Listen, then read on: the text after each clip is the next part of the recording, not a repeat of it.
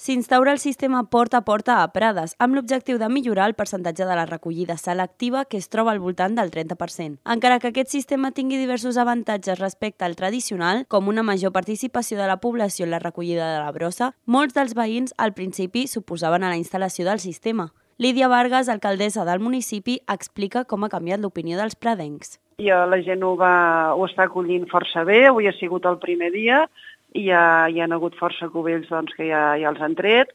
Mica mica doncs, els anem anant col·locant els ganxos, anem anant posant i, i, i, i esperem doncs, augmentar el reciclatge. Tot i que hi hagi masies disperses al voltant de Prades, l'alcaldessa ha confirmat que el camió pot arribar-hi perfectament, ja que el terra està asfaltat.